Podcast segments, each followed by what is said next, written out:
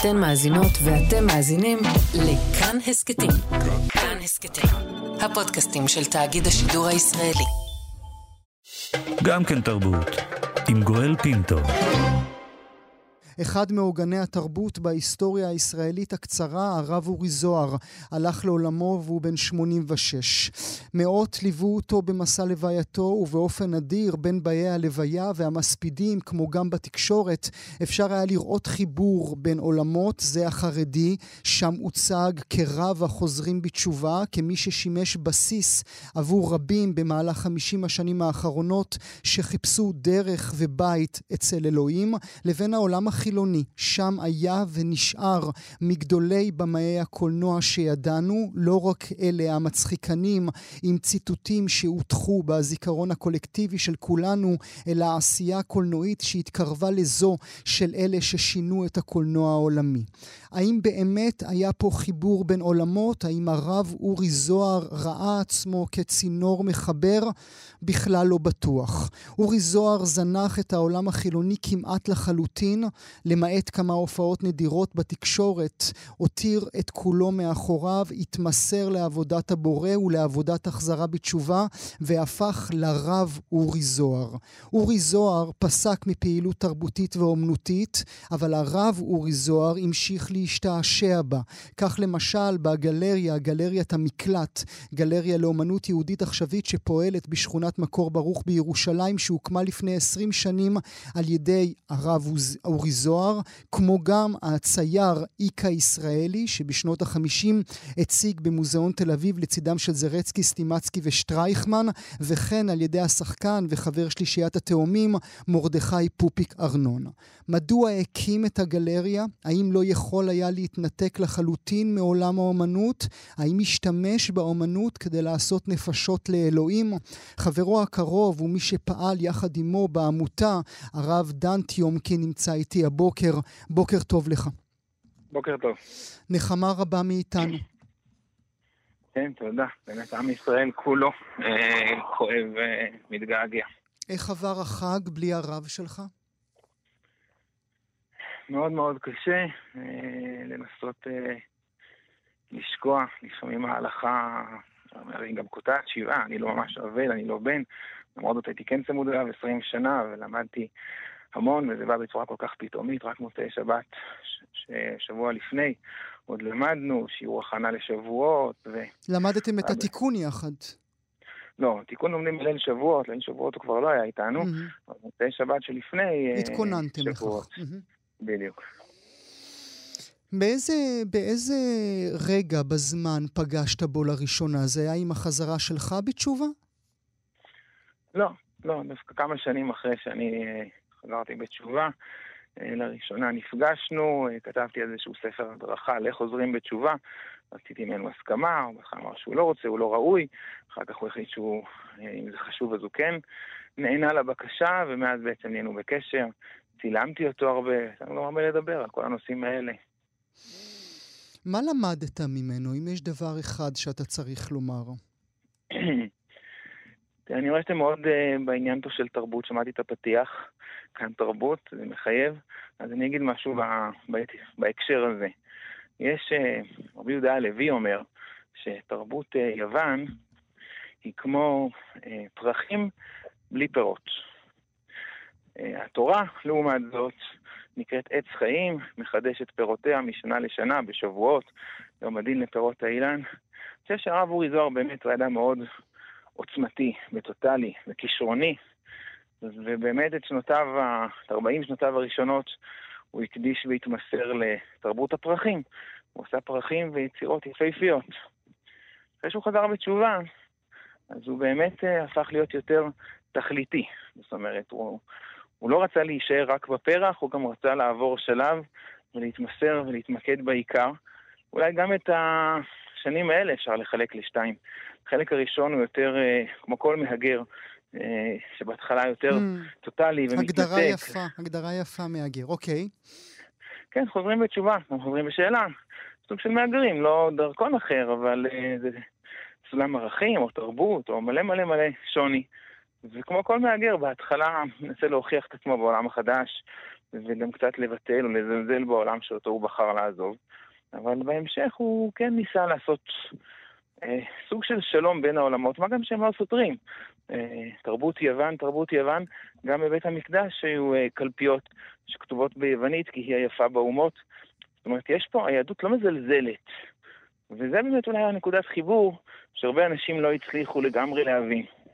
יצא לי לשמוע קצת אה, ביום שישי, כשנסעתי לנחם את האלמנה ואת ה, את הבנים, אז אה, שמעתי באיזו תחנה ברדיו שהציגו אותו, שנפטר השחקן, התסריטאי, הקומיקאי, היוצר, ואפילו הבמאי, הרב אורי זוהר. כאילו, איזה יופי. ו... ושמעתי, לא ראיתי בעצמי, אין לי טלוויזיה, אבל שמעתי שבהרבה תוכניות, בהרבה, כאילו, הרבו להראות את הסרטים שלו מהעבר, ולנתח את הדמות ואת הגאונות. וזה נכון, גם הוא לא זלזל בזה, הוא לא ביטל את זה. רק הוא תמיד אמר, הכל טוב, התקדמתי. יש כיתה א', יש כיתה ג', יש הרווארד. עכשיו אני בהרווארד מבחינת העשייה, וזה נכון שהוא בעצמו פחות התעסק ב, ביצירה ובאומנות, אבל הוא ראה, הוא מצא בתורה באמת את הדרך לבטא גם את הפן הזה, והוא עודד אחרים לא להיות טוטאליים כמוהו, אלא כן להמשיך למזג בין עולמות. התקופה שלמדתי איתו גם עם ויתר בנאי, שהוא מאוד אהב ועודד להמשיך להופיע וליצור גם המקלט הזה. נ, נדבר בעוד רגע באמת על המקלט ועל התפקיד שזה לקח בחיים שלו, אבל עוד לפני כן ברשותך, מה ידעו עליו בעולם החרדי? האם, האם, האם הכירו את העבודות שלו? האם ידעו שעבור העולם החילוני הוא אחד מהבמאים החשובים בהיסטוריה הקצרה שלנו? אני לא חושב, אני באמת חושב שיש, אה, שוב, כחוזר בתשובה, שיודע לדבר גם ישראלית וגם אה, חרדית. אני חושב שבאמת יש נתק גדול בין העולמות שמוזנים בעיקר או מסטריאוטיפים או מסתם אה, בורות. אני חושב שרוב החילונים לא באמת יודעים את העומק ואת היופי ואת העושר ואת האומנות שיש בעולם התורה, והרבה מהעולם החרדי לא באמת מכירים את העולם החילוני, ולכן ודאי שלא הכירו mm-hmm. את, ה... את המורשת של הרב אורי זוהר שם.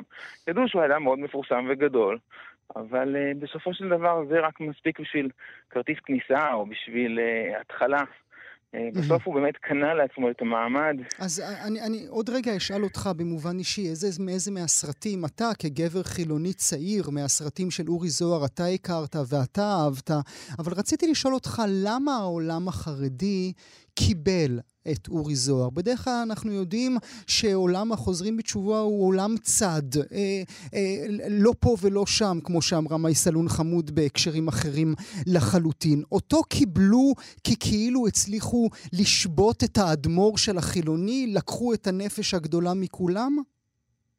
לא, זה לא עד כדי כך מתוחכם ואסטרטגי, וזה, גם אין פה איזשהו עולם שמנוהל עם איזו מפקדה ראשית ו...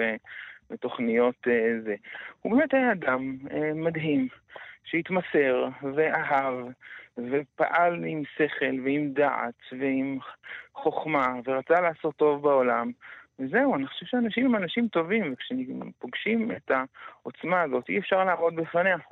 ואני גם לא חושב שהוא היה היחיד בזה, העולם החרדי קיבל הרבה הרבה הרבה חוזרים בתשובה, לא, לא צריכים דווקא את המפורסמים, גם אנשים פשוטים, גם אנשים עמך וגם אנשים אה, יותר, אני לא חושב שיש פה איזה מישהו שקיבל או לא קיבל, ברור שגם לחוזרים בתשובה יש את הקשיים שלהם, שוב, הם מהגרים, אנחנו מהגרים, מצד אחד עזבנו עולם מסוים, מצד שני זה נוף מולדתנו שאי אפשר להתכחש אליו, וצריכים פה לנצח להיות, אה, לדבר שתי שפות, ולא תמיד ה-Google Translate אה, מדייק, ויש כל מיני חיכוכים שחלקם מביכים וחמודים, וחלקם יותר uh, מעצבנים.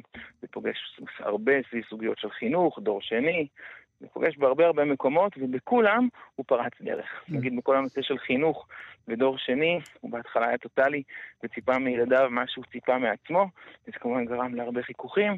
בתוך הבית הזמן... פנימה, בתוך הבית שלו עצמו. כן, כן. ועם הזמן הוא הבין שאותה תורה שמצווה אותו להיות uh, צדיק וטוטאלי, גם מצווה אותו איך מתייחסים לילדים שלא הולכים בדרך או שמאתגרים, והוא כתב ספר בנושא הזה, שנקרא אבות על בנים. Mm-hmm. ופרסם הרבה הרבה הרבה סרטונים, יש ביוטיוב, יש בכל מיני מקומות, את משנתו בנושא הזה. אותי הוא עודד לכתוב ספר בנושא הזה, שנקרא בוסר המלאכים, עם יותר כלים פרקטיים, מה עושים, עם סמארטפונים, עם חברים רעים, עם חוצפה, עם סמכות, והכל בגישה תורנית, אבל מאוד מאוד מאוד אפקטיבית ויעילה. עכשיו זה תחום שנגיד רוב האנשים לא מכירים בו, כי מכירים אותו רק כיוצר, לא יודעים איזה מהפכה חינוכית תורנית הוא עשה בתוך עולם התורה, עם כל הגישה שלו, החינוכית לנוער בסיכון. אני אשמיע לך משהו ברשותך, הרב טיומקין, ותאמר לי אם זה באמת נותן את המשנה כולה של הרב אורי זוהר. קדוש ברוך הוא מאוד רחב ופקים, הוא לא חרדי אגב. הוא לא, הוא הולך בלי כובע וחליפה. בלי כובע וחליפה.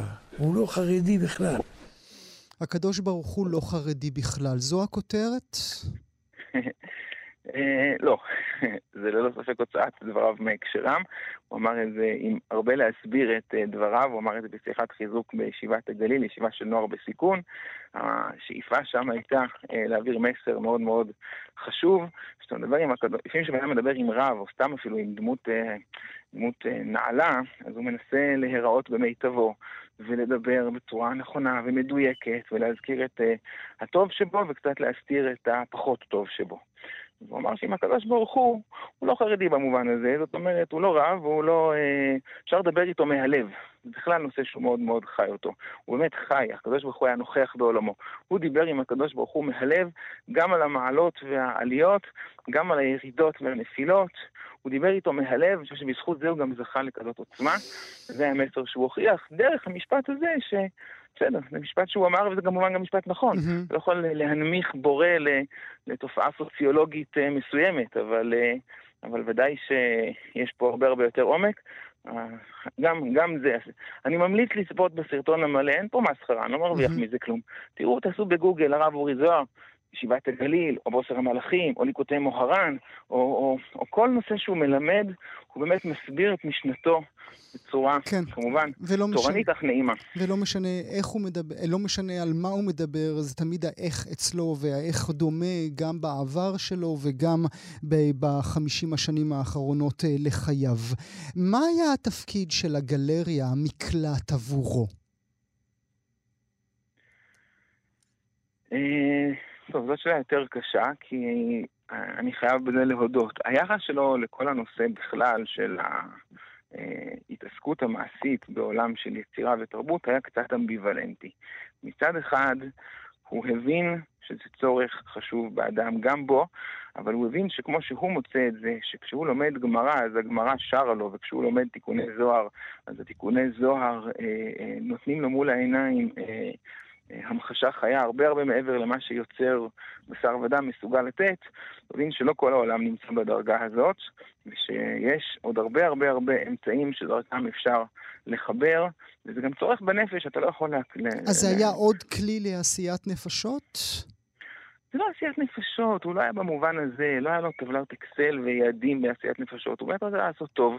הוא האמין שהטוב של האדם לא, לא מסתכם רק בחומר, אלא גם ברוח, והוא גילה ברוח קומה נוספת. אז נכון שהוא עזר, רצה לחשוף אנשים גם לקומה הזאת, אבל לא במובן ה... ה לצוד אותם ולהחתים אותם באזורת קבע או באיזה ארגון. לחשוף אנשים לקומה הנוספת שבעצמם. Mm. הוא האמין שהמפגש הזה בכל אחד עם עצמו, שוב, גם אם זה לא קשור בשום שינוי חיצוני, זה מזה שאדם יכיר יותר את החלקים הרוחניים שבו, זה יפרה את עצמו וזה יפרה את העולם כולו.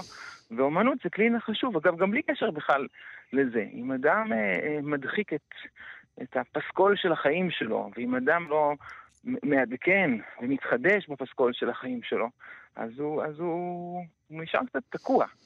והדבר הכי חשוב, או הכי אה, מדהים אולי, שאני יכול להגיד על הרב אורי זוהר, זה שהוא היה הכי צעיר שהכרתי, אפילו שהוא היה בן 86 וחצי. אבל האם הוא הדחיק את פסקול חייו? אז זהו, אני חושב שלא. אני אספר לך סקופ. אבא שלי, אה, שיהיה בריא, שלח לי אה, סרטון של העולים החדשים מתוך המערכונים של לול. אז הוא שלח לי את זה כקטע כזה של סרטון, זה קטע של 6 דקות, וביקש שאני אראה את זה לרב. שאלתי את הרב במוצאי שבת האחרון, כן, לפני שבוע ויומיים, אה, אם הוא רוצה, שאבא שלי שלח לו את הסרטון הזה, אם הוא רוצה לצפות. אמר, תביא, נראה. הוא צפה בכל השש דקות. צחקק, ובסוף אמר, אתה מקליט, אני רוצה להגיד לאבא, תגיד לאבא שלך. אה, אתה אמר את שמו של אבי, ואמר, אני מודה לך ששלחת לי, אני, נהניתי מזה, זה היה סאטירה טובה, אני גאה שעשיתי את זה, אני גם גאה שהתקדמתי הלאה, אבל אני מאוד נהנה ממה שעשיתי. שלחתי לאבא שלי את הסרטון הזה, הוא נהנה עד הגג, ו... ואני חושב שגם הרב אורי זוהר נהנה, שוב, אני חושב שזה היה מאוד מאוד סמלי. כי כאילו מתוך זה נפרדנו. הוא לא היה ב... הוא באמת חי באיזושהי הרמוניה, באיזשהו שלום פנימי עם הוא, עם מה שהוא, עם מה שהוא עשה, וגם עם מה שהוא התקדם. אני חושב שהרבה מאוד אנשים נשארו תקועים רק בפן אחד, ואני חושב שהוא, יותר מכל זה, היה החשיבה התכליתית, ההרמונית, המאחדת. וזה קצת מאתגר כל אחד לצאת מהאזור נוחות שלו ולהיחשף גם לצד השני שבאופן טבעי לפעמים קל לזלזל בזה. אני גאה שעשיתי את זה, זה משפט אה, יפה. מה הוא היה אומר על כל, על כל הדברים ששלחו, אה, על כל ההספדים ששלחו הנשיא וראש הממשלה ורבים ורבים והרב לאו ונוספים? מה הוא היה אומר על כל הכבוד שהוא קיבל בימים האחרונים?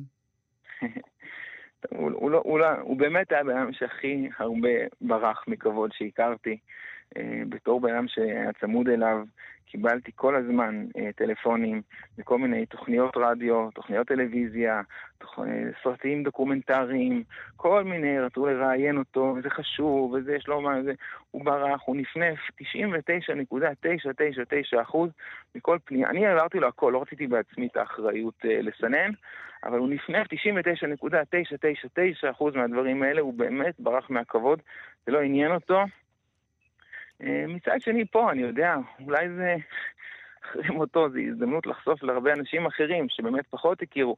יש דור צעיר שלא גדל על הסרטים שלו. אולי בזכות זה, בזכות כל הדיבורים האלה, הכירו את הצדדים הנוספים ושמעו יותר על האיש ועל הדמות, ושיש אנשים כאלה עדיין שגרים בדירה קטנה ומסתפקים במועט ובורחים מכבוד, אפילו שהם היו שם הם ברחו בזה, אבל לא בקטע סגפני, אה, אה, אלא בקטע שבאמת הם עלו כמה קומות. אגב, גם בלימוד תורה זה היה ככה. בהתחלה למדנו כתבי הגאון מווילנה, והוא למד גם חסידות, וליקוטי מוהר"ן, וטניה. גם בתורה כל הזמן התחדש. שאנשים שלא מספיק מכירים, תורה זה כזה דבר אחד של טקסטים עתיקים. גם בתורה יש המון המון המון... וואלה, קומות ועוד קומות. אולי, אולי כן. מילה לסיום ברשותך, איזה מהסרטים שלו אתה הכי אוהב? טוב, אני לא אגיד מציצים, זה הכי נדוש, נכון? אני, אני ספציפית, אה, לפני שחזרתי בתשובה, אה, אה, למדתי קולנוע והייתי ביחידת הצילום של חיל אוויר, הייתי בעצמי שם מפיק ובמאי, אז באמת אני הכרתי יותר אה, אה, והתחברתי יותר גם לצד הזה ש, שבו, אה, ובאמת היו לו סרטים עם אמירה. אז בחרנו מציצים. אבל אני חושב שלמרות הכל, נלך על, ה... על מציצים. כן, אולי פשוט זה היה מילה פזם, ראיתי אותו הכי הרבה פעמים ביחס לאחרים. הרב דן טיומקין, תודה על המילים האלה, נחמה רבה מאיתנו. תודה, תודה, שיהיה שבוע טוב, כל טוב. אה, מאזינות ומאזינים, במהלך השנים אה, עבד אורי זוהר עם אנשים רבים. רובם, רובם כבר אינם בין החיים. ב-1974 הוא ביים את עיניים גדולות. בני פורמן, מאמן כדורסל, תל אביבי, אנוכי, מאוד יצרי, שמנהל פרשיות רומנטיות מחוץ לנישואים. את הסרט כתב זוהר יחד עם הסופר, מחבר זיכרון דברים, יעקב שבתאי. ביקשנו מביתו, אורלי, שתספר לנו מעט מזיכרונותיה. אני חושבת ששני האנשים האלה היו טובים בזה שהם בעצם בתוכם רצו פשוט להיות עם כל הנשים ש... כל הנשים בעולם. כמובן שנבע מזה הרבה מאוד מריבות בתוך המשפחה, כן? מה שמתואר בסרט, למשל, ההתקף זעם של אורי, עם ה... שובר את הכיסא ושובר את הכוננית ומשתולל בבית, זה דבר שבאמת קרה. אורי באמת שבר, הוא היה בן אדם עוד יותר סוער מאבא שלי, שגם היה בן אדם סוער, וזה נכנס לסרט. זה נכנס לסרט. אנשים סוערים, אה, אורלי שבתאי מספרת מזיכרונותיה על העבודה שנעשתה אורי זוהר יחד עם הסופר יעקב שבתאי. חצי חצי. 43 שנים מול 44 שנים. 43 שנים בעולם החילוני, בהם בתקופת אינסטנט של 13 שנים בלבד יצר עשרה סרטים משפיעים שהגדירו את הקולנוע הישראלי, ו-44 שנים בעולם החרדי, שם שימש עוגן עבור רבים. אלה בעולם החרדי לא ידעו כמה גדול הוא כאן, ואלה בעולם החילוני לא ידעו כמה גדול הוא שם.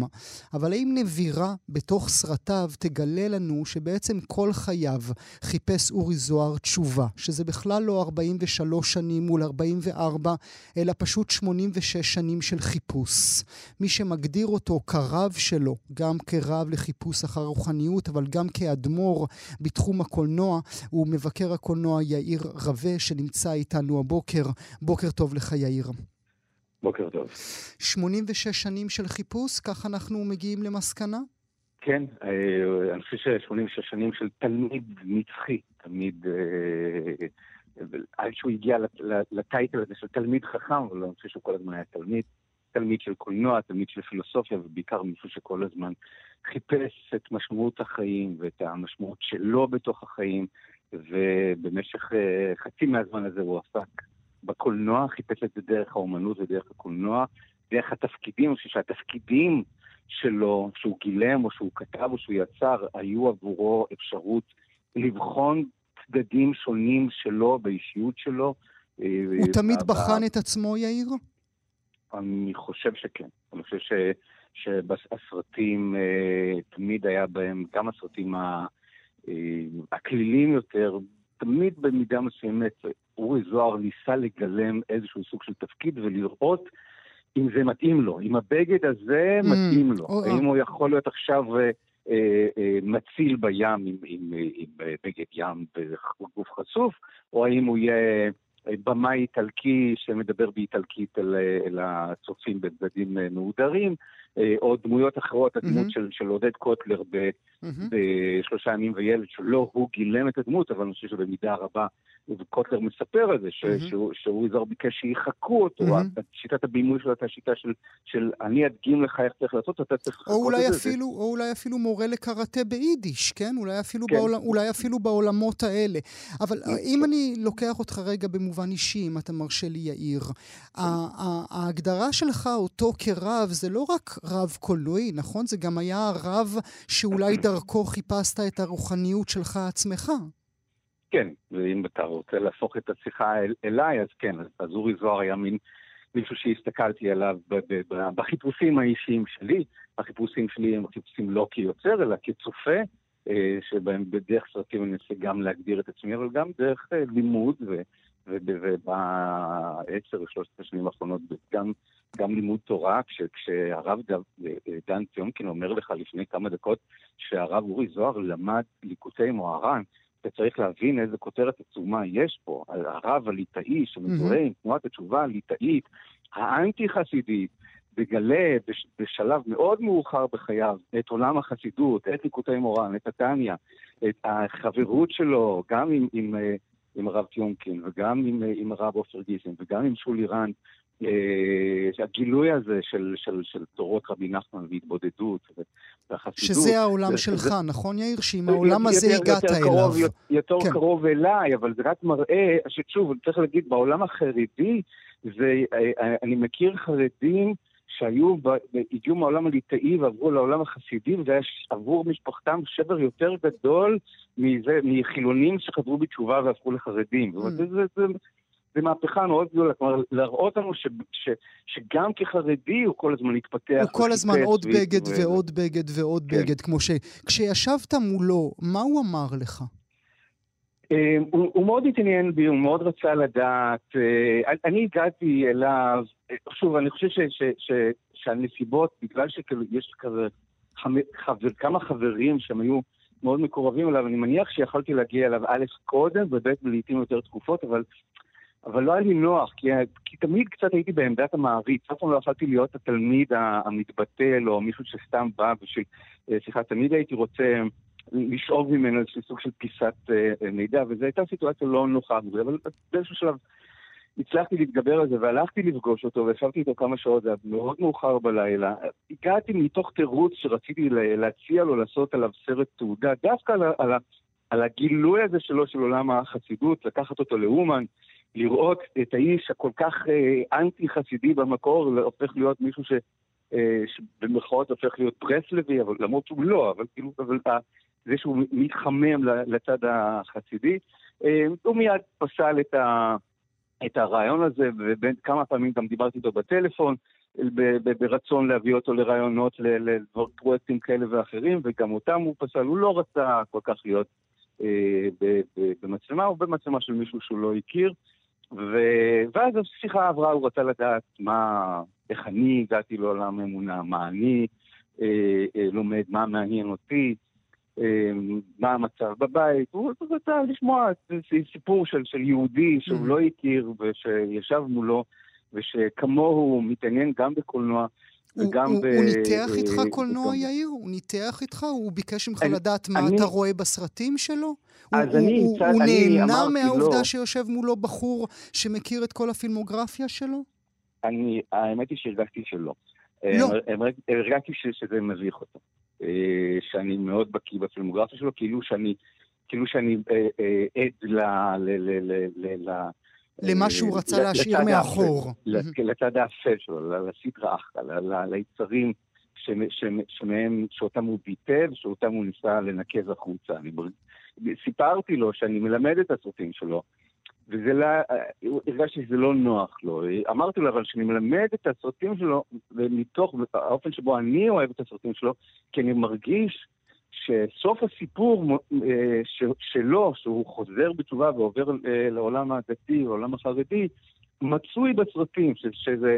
שזו, יש, כאן, יש כאן ביוגרפיה שהוא מספר על עצמו, אה, עוד מהסרטים הקצרים שהוא עשה, ובוודאי בסרטים הארוכים, שמסתיימת ב-1977 בפילמוגרף שלו, הם הצילו את המציל, עם המילה הזאת הצילו, וב-78 הופכת לכותרת שאורי זוהר עובר ל- ל- לירושלים ועוטה על עצמו את, ה- את המדים של, ה- של החברה החרדית, ועוזב את הציבוריות ה- הישראלית, ובמידה מסוימת, יש לומר, די נעלם מעין הציבור הישראלי mm-hmm. עד 83, כשיוצא הסרט של רנן שור, חתונה mm-hmm. בירושלים, mm-hmm. שהוא בעצם נחשף לציבור בחתונה שלו ושל כן. הילדים שלו והילדים של הריקאים שלו. בוא נדבר, אם נעז, על הצד האפל, כמו שהגדרת, על הצד של היצרים. האם אלה סרטים שצריך לקנסל ב-2022? אה, במידה מסוימת, אם לקנסל אותם, צריך לקנסל את כל הסיקסטיז. אה, ואני חושב שאם אנחנו רוצים אה, קפסולת זמן אה, סרטים שמייצגים את הלך הרוח האנושי, או באופן נקודתי גם הגברי, של שנות ה-60 ושנות ה-70, בכלל בעולם, וספציפית בישראל. הסרטים של אורי זוהר הם לא רק קולנוע מצוין, אה, לא אחיד, יש לומר, אבל קולנוע מצוין, אלא הם גם מחקר סוציולוגי מרהיב. אנחנו, אה, חלק מהדברים זה אפשר להאשים את אורי זוהר, אבל חלק מהדברים הם, הוא ייצג מאוד יפה איזשהו סוג של נטייה חברתית שהייתה בציבור, mm-hmm. ציבור מצ'ואיסטי, ציבור גברי. זו אותה גבריות נציג... רעילה שאנחנו מדברים עליה היום, נכון? שהטרדה היא, היא, היא, היא דבר שבשגרה עבורם. אה, אני חושב, שבה, אני חושב שה... שרואים את הקולנוע של שנות ה-60 וה-70 גם אצל אורי זוהר, אבל לא רק, לא רק אצלו, אז זה לא עניין של, זה לא רק עניין של הטרדה, אני חושב שהמטבע העיקרי, המטבע העובר לסוחר העיקרי שם ביחסים בין אנשים הוא ניצול. אה, אני חושב שזה גם אפיין את תעשיית הקולנוע אה, של, של, של אותה תקופה, של הרצון של כולם כל כך לעשות, מין סוג של קומונה, סוג של קיבוץ. כל, ה, כל הגדרים אה, ירדו והוסרו, והמחיצות, ו, ואני חושב שאורי זוהר היה נורא מודע לזה. אני חושב שזה הדבר שחשוב בסרטים של אורי זוהר. אנחנו יודעים את זה... בזמן אמת הוא היה מודע לזה, כן, אתה אומר. בזמן אמת הוא אמר. תסתכל, הגברים שבאולם, עליכם אני מדבר, ככה אתה קורא את זה? אני חושב, כן, כן, לגמרי. אני חושב שהדברים האלה שאומרים נגד אורי זוהר, אורי זוהר אמר אותם נגד עצמו ונגד הגברים ונגד החברה ונגד הישראליות. הסרטים שלו הם, הם לא חוגגים את ה... אה, את ההטרדה או את הניצול או את אה, אה, הרצון לזה לעבור מאישה לאישה, הם, הם מבכים אותה, הסרטים הם כולם בייחוד הדרמות, הם סרטים עצובים, הם סרטים של גברים אבודים, שבתוך זה הם מחפשים את עצמם ואת היחס שלהם עם נשים. אנשים, שוב, הם מסתכלים על הסרטים האלה, אנשים שם בסרטים שלו הרבה יותר חזקות ממה שנותנים להם קרדיט, הרבה יותר דומיננטיות, אנשים לא תמיד נותנות ש... שיתעסקו איתם וש... וש... ושיעשו להם את הדברים האלה. יש להם את היכולת ואת, ה, ואת הכוח. אז הנשים הן דומיננטיות, הגברים הם דומיננטיים, ויש כל הזמן איזשהו סוג של, חושב שאחד הדברים שמאפיינים את הסרטים שלו זה שנדמה שהחברה, ש, ש, כפי שהוא רואה אותה, הציבור כפי שהוא רואה אותו, הגבריות והנשיות, כל הזמן נמצאים במצב של מלחמה, כל הזמן יש איזשהו אה, מצב של, של קרב, mm-hmm. של, אה, של, של מתח mm-hmm. בין, ה, בין הצדדים, סרטים מאוד לא רומנטיים. הוא אה, התבייש ו... בפרק הזה בעיניך? קודם כל, הוא, הוא אומר את זה, שהוא רוצה להניח את הדברים האלה אה, אה, מאחוריו, אה, לא רוצה, לא, לא אהב לבוא לבחורות מחודשות של הסרטים שלו, וכאמור, כשאני סיפרתי לו על המהלך שאני מתאר בסרטים שלו על מישהו שכל הזמן מחפש את עצמו, אה, ושואל למה, ושואל מה המשמעות החיים בסרטים, זה לא, לא נראה לי שזה עשה עליו רושם, הוא אמר יופי, כי הוא מקבל אור ירוק, כן, תמשיך ככה ותגיד את זה. אם כי בשנים האחרונות, נדמה לי קצת שהוא, אה, גם בזכות הסרט התיעודי שנעשה עליו, ש... אה, אורי זוהר חוזר. אורי זוהר כן. חוזר. גם עניין של, של, של התבגרות.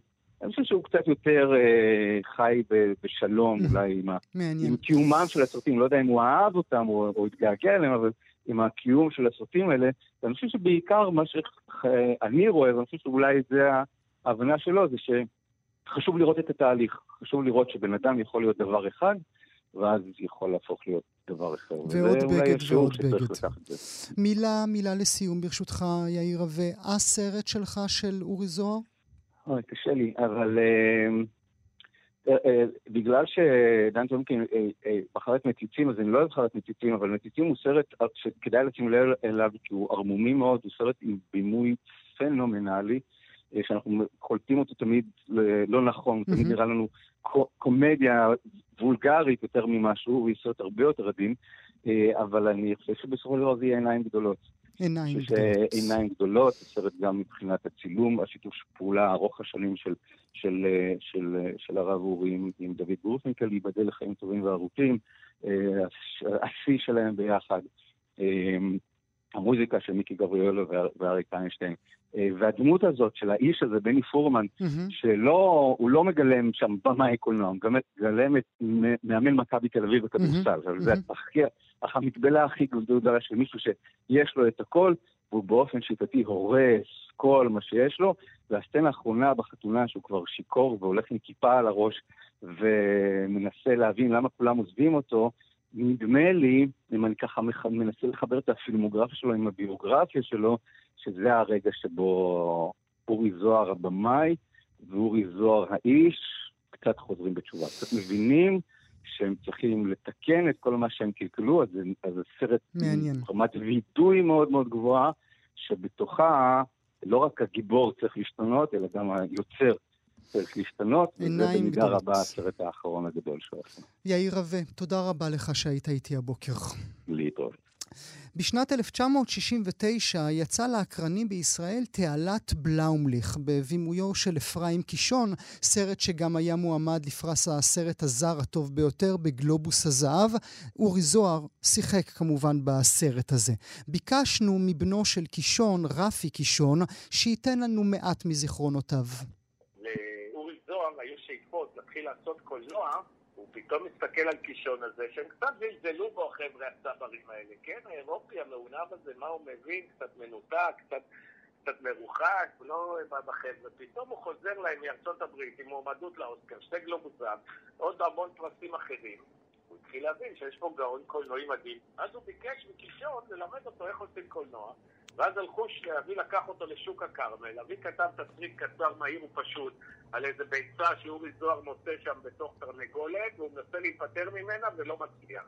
הסרט הוא אילם ובשחור לבן, אבל המשחק של אורי זוהר, המשחק המצוין, וכל ההוויות שהוא עושה וזה, יוצר חוויה חד פעמית זה רפי קישון מזיכרונותיו לעבודה המשותפת של אבא שלו, אפרים קישון, יחד עם אורי זוהר. ניקח אתכם עכשיו, מאזינות ומאזינים, 55 שנים אחורה. כמו שהשמעתם בקטעים שאנחנו משמיעים לכם במהלך התוכנית, היצירה הקולנועית של זוהר נעשתה תדיר תוך הישענות על הספרות העברית. כך גם היה המקרה בשלושה ימים וילד, סרט שזוהר ביים ב-1967 והיה מבוסס על סיפור סיפור בעל אותו השם של א' ב' יהושע. הסרט בליבו אלי, יוצא קיבוץ, מורה למתמטיקה שחי בירושלים ומקבל לחזקתו ילד, הבן של אהובתו מימי הקיבוץ. הסרט היה מועמד לפרס דקל הזהב בפסטיבל כאן, וזיכה את האורח הבא שלי בלא פחות מאשר פרס השחקן הטוב ביותר באותו הפסטיבל. זהו לא הסרט היחיד שזוהר ביים בו האורח הבא שלי שיחק, היה גם את כל ממזר מלך. סרט שיצא לאקרנים שנה אחר כך, יהורם גאון גם כיכב בו, וזכה זכה להצלחה עצומה בקופות. אני אברך עכשיו לשלום את חתן פרס ישראל עודד קוטלר. שלום עודד. שלום, שלום, בוקר טוב. בשלושה ימים וילד בעצם גילמת אותו? אה, תראי, יש אה, יצירה שכתב א' ב' יהושע, והוא היה בשעתו האוונגרדיסט המשמעותי, נגיד הוא, עמוס עוז, ואולי בודדים נוספים, בספרות העברית, שידענו כמותה מעט מאוד באותה תקופה. וגם אה, עושי סרטים שנשענו על ספרות היו מעטים. יותר מאוחר התחילו אה, לזלוג. אל הקולנוע, אל מסכי הקולנוע, יותר ויותר דברים שמבוססים על ספרות, אה, ומדובר בספרות טובה. ספרות מצוינת. אז כך שבעצם אפשר להגיד שזה היה חידוש הפתעה במובן מסוים. ואם נשלב את זה יחד עם ההשפעה שהייתה על אורי כעושה סרטים, השפעה של, הת... של הקולנוע, הקולנוע הצרפתי, אה, האוונגרדי, של, של אנשים כמו גודר וכדומה וטריפו, אז אנחנו נבין ש, שהוא ביקש לחפש איזה ביטוי בלתי שגרתי mm-hmm. ל, ל, לסרט. מה עשית, עודד, או איך חיית, או איך התקיימת באותה סצנה בסרט הזה שבו צריך להתנפל, אין לי דרך אחרת להגדיר את זה בעיניים של 2022, להתנפל על השכנה. כן, זה באמת uh, סצנה איומה, אבל איומה ונוראה, וגם uh, מתאר לעצמי שהיום היא לא הייתה עוברת. אבל uh, במובן הזה הוא ביקש לעשות משהו ש... נראה לי בעייתי, הוא ביקש לשפוט את הגיבור.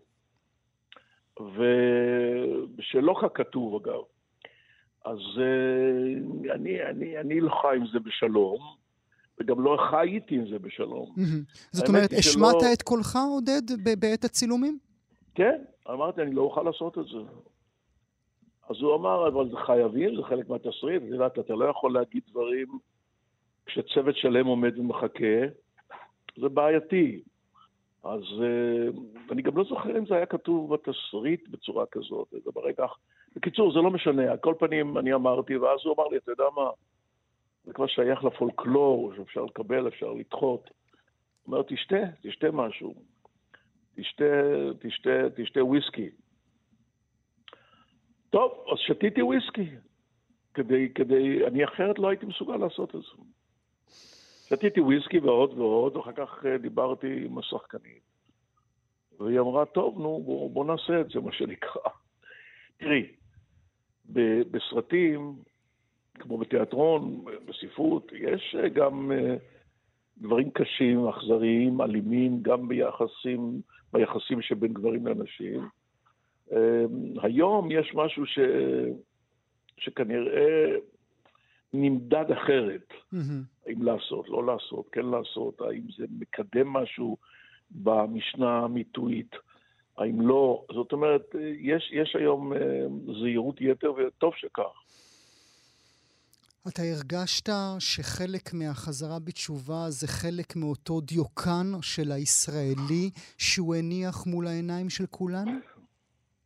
תראי, אני חושב שהחזרה בתשובה היא ואני בודק את זה רק, רק בעיניי שלי, אין לי שום אה, אסמכתה ושום אה, סמכות, אני יודע, פסיכולוגית להגיד, אבל אני חושב שהיה היה בזה משהו שביקש לחפש אה, יסודות יותר, אה, בוא נגיד, עמוקים ביצירה שלו דווקא. לפי דעתי הצנועה, אה, אני חושב שהוא הגיע לאיזה מבוי סתום עם העבודה היצירתית שלו. עיניים גדולות באמת אולי היה הדבר שציין את, ה, את המבוי הסתום. זאת אומרת, הגיע שם לביטוי די מלא של מצבו, אה, עם, עם לזהות בין גיבור אה, דמיוני או ספרותי או קולנועי לדמות אה, של אדם בשר ודם. Mm-hmm. ונדמה היה לי שהוא מחפש משהו שהוא לא מצא. שהוא כאילו הגיע לזה קרקעית וזהו. הוא עכשיו, הוא עכשיו צריך לחפש משהו מתחת לקרקע. Mm-hmm. ומתחת ל, ל, ליומיום של עצמו, מתחת ל, ל, לשגרה של היצירה שלו אפילו באיזה מקום שהוא. אה, יש משהו משותף בגיבורים שלו, גם בין, בין עיניים גדולות לבין אה, מציצים, יש קווי דמיון. לא בדיוק, אבל יש. לכן נדמה היה לי שהוא, אחרי לול, אחרי שתיות אה, רבות של אלכוהול, אחרי מריחואנות, ואחרי זה, הוא לא מצא. הוא חיפש. ואז הוא פתאום גילה את העולם הזה, שלדעתו יכול לעשות לו שינוי לטובה, במובן של חיפוש מקורות היצירה העצמיים, ואולי עוד משהו שהוא מעבר להישג המיידי, והוא איזה, איזה ישות אלוהית שאולי צריך לעבוד למענה ואיתה ולהשתעבד לה. בעיניך הרגע עצמו, הזרע, נעשה כבר אה, בעבודה המשותפת שלכם כאשר ביימת אותו לתיאטרון חיפה, כמדומני? כן. כן, שם בפירוש היה משהו. קודם כל, אה, הניסיון לעבוד שוב על יצירה, יצירת מופת של אריסטופנס, לא היה מהדברים המובנים היומיומיים של... של שאורי של, יעשה, כן. של אורי יעשה. ופתאום לעבוד על תפקיד שלם.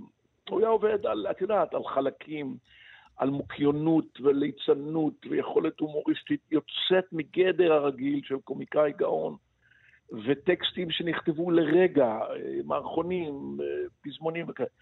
והנה פתאום הוא לוקח יצירת מופת של אריסטופנס, שיש לה אלמנט פוליטי חזק מאוד. וזה הנבחרים שכתב שבתאי על פי החנאים. של אריסטופנס, והוא אומר, כן, אני רוצה לעשות את זה. על אדם, דיאקיופוליס, ש, שמחליט לעשות שלום פרטי עם אתונאי שמחליט לעשות שלום פרטי עם ספרטני במסגרת מלחמת השנים הרבות שהיו, mm-hmm. שהייתה שם. ושם הוא כבר הגיע עם כיפה לחזרות? ושם לא, לא, אבל אלה דברים שנעשו כנראה בהיחווה, מכיוון שמיד אחרי זה, או תוך כדי ריצת ההצגה, בואו נגיד ככה, הוא התחיל פתאום לאבד גובה בהומור. עד כדי כך שהמנהל ההצגה קרא לי, אמר, בוא תבדוק, נדמה לי שזה הפסיק להצחיק, כזאת קומדיה. אריסטופנס היה כותב קומדיות גאונים. ובאמת היה משהו רציני, ושאלתי מה קורה, אז הוא אומר, אני, אני לא, אני בסדר, אני אנסה להשגיח על זה וכולי וכולי, כי הוא היה ידוע כמי שעושה הרבה חוכמות. שלא כתובות ולא בוימו תוך כדי הצגות. הוא היה מדבר ביידיש פתאום, הוא היה עושה כל מיני דברים שלא... הם היו מצחיקים את הקהל, ופה הוא נהיה רציני. ומיד אחרי זה, אחרי שההצגה הזאת סיימה את חייה, התחילו חיים דתיים. מעניין. ואז התגנבה הכיפה וכולי וכולי וכולי, ואני אני לא אשכח שיום אחד אני פגשתי אותו בתל אביב, ואמרתי, אורי, אורי, בוא רגע, יש לי איזה רעיון לדבר אחר. הוא אומר, לא, עזוב. אמרתי, בוא, בוא נדבר רגע. אז uh, אני אומר לו, הוא אומר לי, מה, מה הרעיון? אמרתי, שמע, אני הולך לעשות את, uh, את, את, את תרטיף, אני רוצה לביים את תרטיף, בתיאטרון חיפה. ותרטיף הוא הרי זה משיח שקל כזה, את מכירה את החומר. ו, והוא מרמה איזה, איזה, איזה צרפתי אה, בורגני שמוליך את כל המשפחה שלו אחרי כהן הדת הנכלולי הזה. בקיצור, אני אומר לו, זה תפקיד, אה, דווקא משום שהוא היה כל כך נאמן לקדושי ישראל באותו רגע, אמרתי, בוא נעשה משהו שהוא לא שייך רק למיליה היהודי. אז הוא אמר לו, בא בחשבון. אמרתי, למה? בגלל המחזה, שהוא צוחק מאיש שקרי, ושמולייר ידע טוב טוב איך, לייצב אותו? הוא אומר, לא, לא, לא, לא, אני לא רוצה להופיע על במה יותר. מעניין. אמרתי לו, למה? מה? הוא אומר, שמע, אני לא צריך יותר קהל. אמרתי, למה? הוא אומר, כי יש לי קהל שלי. אמר, אמרתי, מי? אמרתי, איזה, איזה קהל יש לך? אז הוא עוד לא היה רב. הוא אומר לי, הקדוש ברוך הוא, הוא הצופה שלי. יש לי צופה יחיד שצופה במעשיי יום-יום, ואליו אני מכוון את מעשיי כרגע. מה אני צריך קהלים ומחזות וכולי וכולי. זאת אומרת, השינוי בו היה הרבה יותר גדול ממה שנדמה היה מדהים. מהסממנים החיצוניים. אני לא צריך יותר קהל, יש לי קהל אחד, יש לי איש יש אחד. יש לי קהל אחד גדול. מבני אדם. יותר גדול מזה כנראה לא צריך. אה, חתן פרס לא ישראל, לא עודד קוטלר, אני רוצה להודות לך. תודה רבה שהיית איתי הבוקר. בבקשה, תודה רבה, תודה רבה. גם כן תרבות. ראשון עד רביעי בין תשע לאחת עשרה. רק בכאן תרבות.